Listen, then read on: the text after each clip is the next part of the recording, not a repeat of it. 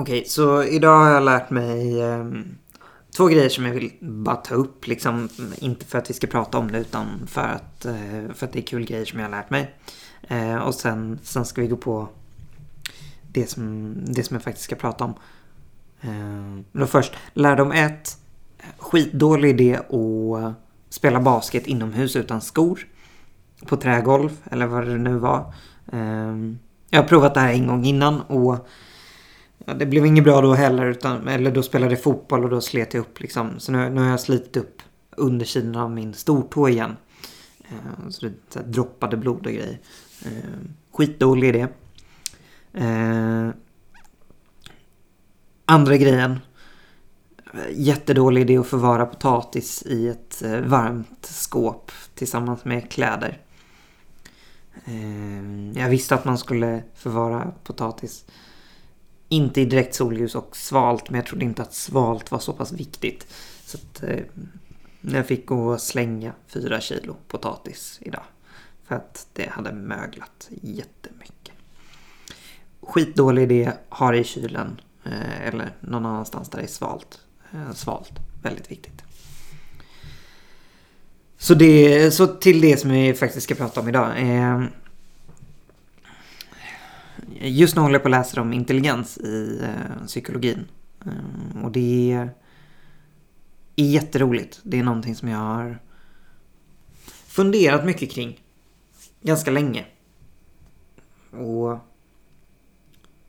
inte riktigt orkat eller tagit mig tid eh, och eh, nörda ner mig och förstå.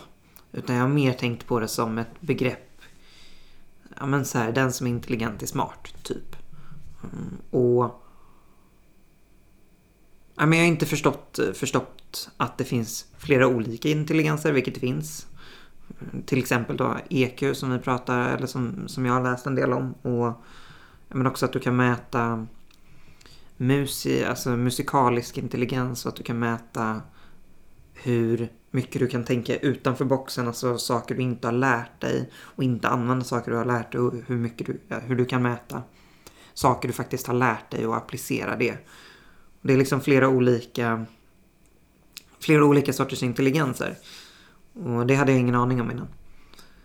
Men det är också så här varje gång jag pratar med någon om intelligens så antingen så lär jag mig någonting eller så lär jag ut någonting, vilket är jävligt fett.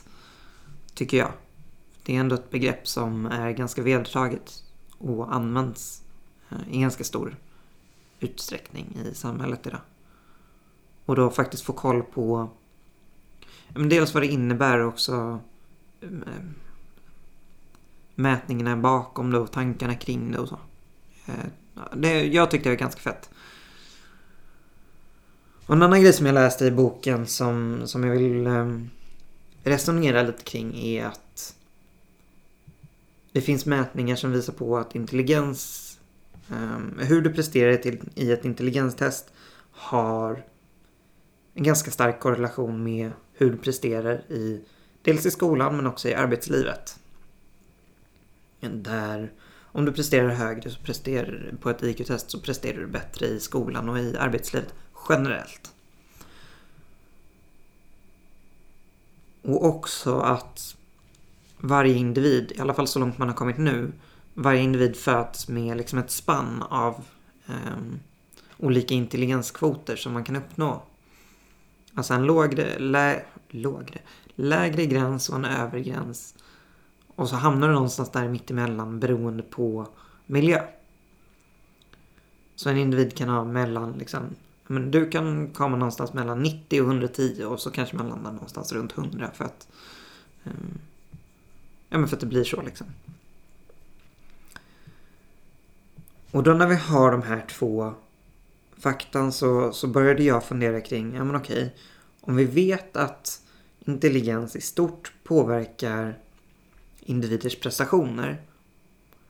Varför gör vi då inte tester ganska tidigt för att se så att individer får rätt matchning och faktiskt kan nå liksom, sin högsta potential. För du har, har du ett spann på liksom 20 poäng, det är ganska mycket.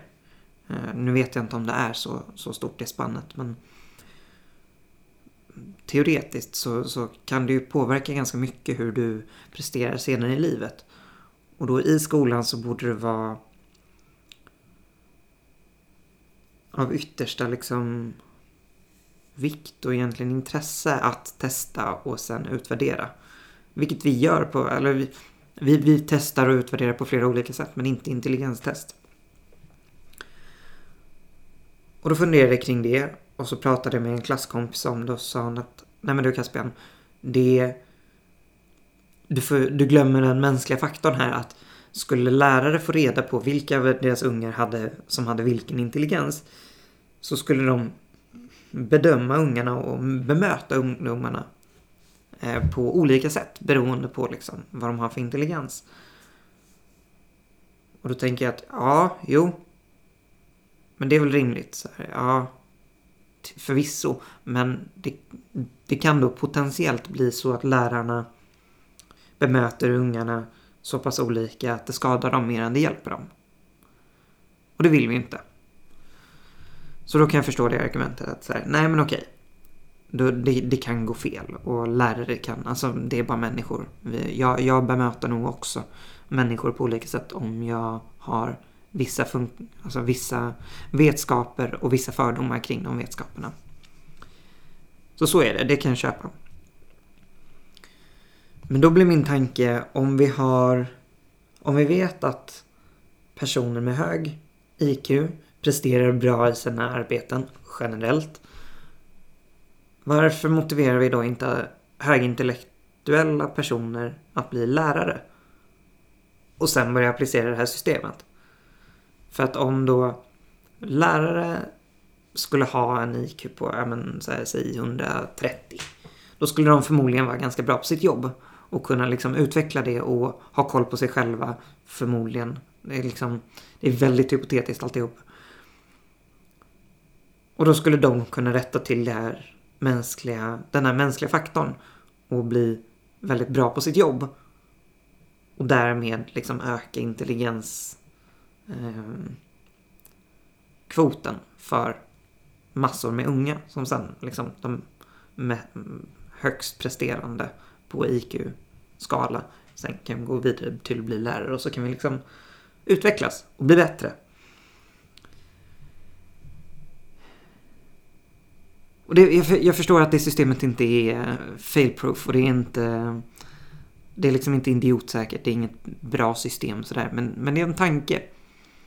Så det, den, den fråga jag vill avsluta med idag är hur tror du att vi kan få individer att liksom utvecklas till sin fulla potential på ett så bra sätt som möjligt eh, ur, ett intelligens, ur, ur en intelligenssynpunkt?